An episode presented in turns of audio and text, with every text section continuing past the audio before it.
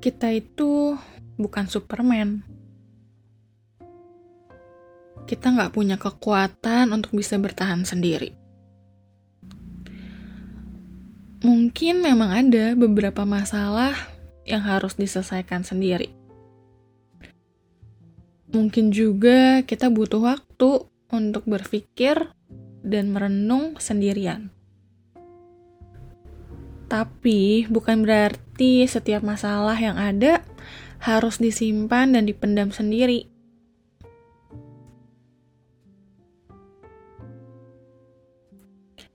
Berhentilah merasa dirimu kuat. Berhentilah menganggap semuanya bisa kamu selesaikan sendirian.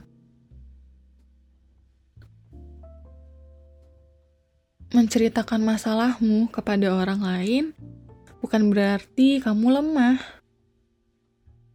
Meminta bantuan sama orang bukan berarti kamu bodoh. Tapi itu adalah tindakan yang bijaksana. Gak semua orang suka menceritakan masalahnya ke orang lain. Sama seperti aku.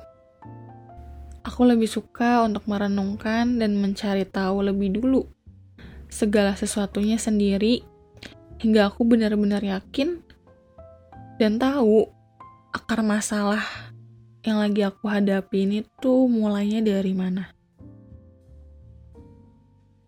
Tapi di saat aku merasa butuh bantuan atau saran dari orang, pasti aku akan bertanya, dan meminta kepada teman-teman terdekat yang aku percayai untuk bisa membantu aku dan membuka pikiran aku.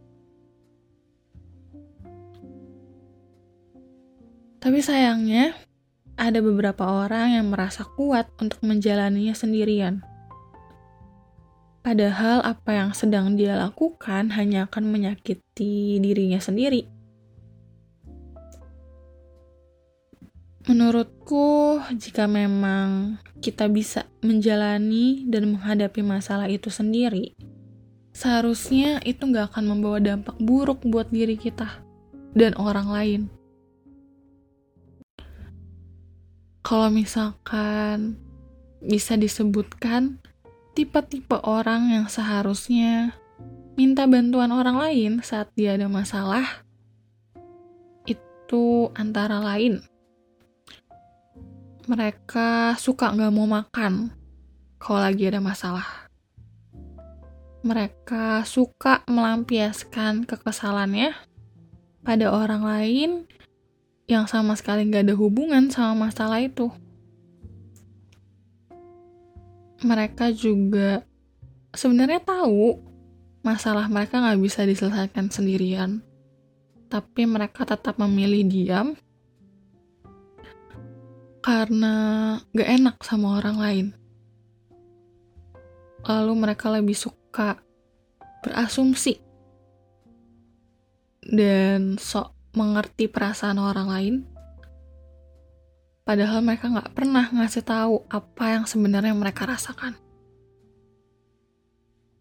Ada orang yang lebih suka pakai topeng, tertawa di depan banyak orang, tapi sebenarnya mereka lagi nggak baik-baik aja. Dan masih banyak lagi ciri-ciri lainnya. Jangan pernah menyakiti diri sendiri. Apalagi mengasihani diri sendiri. Kita emang gak harus menceritakan semua masalah yang lagi kita alami. Kita cuma butuh orang-orang yang terdekat, orang-orang yang kita percayai untuk jadi tempat cerita. Untuk membantu kita mencari jalan keluar yang tepat dari masalah yang kita hadapi.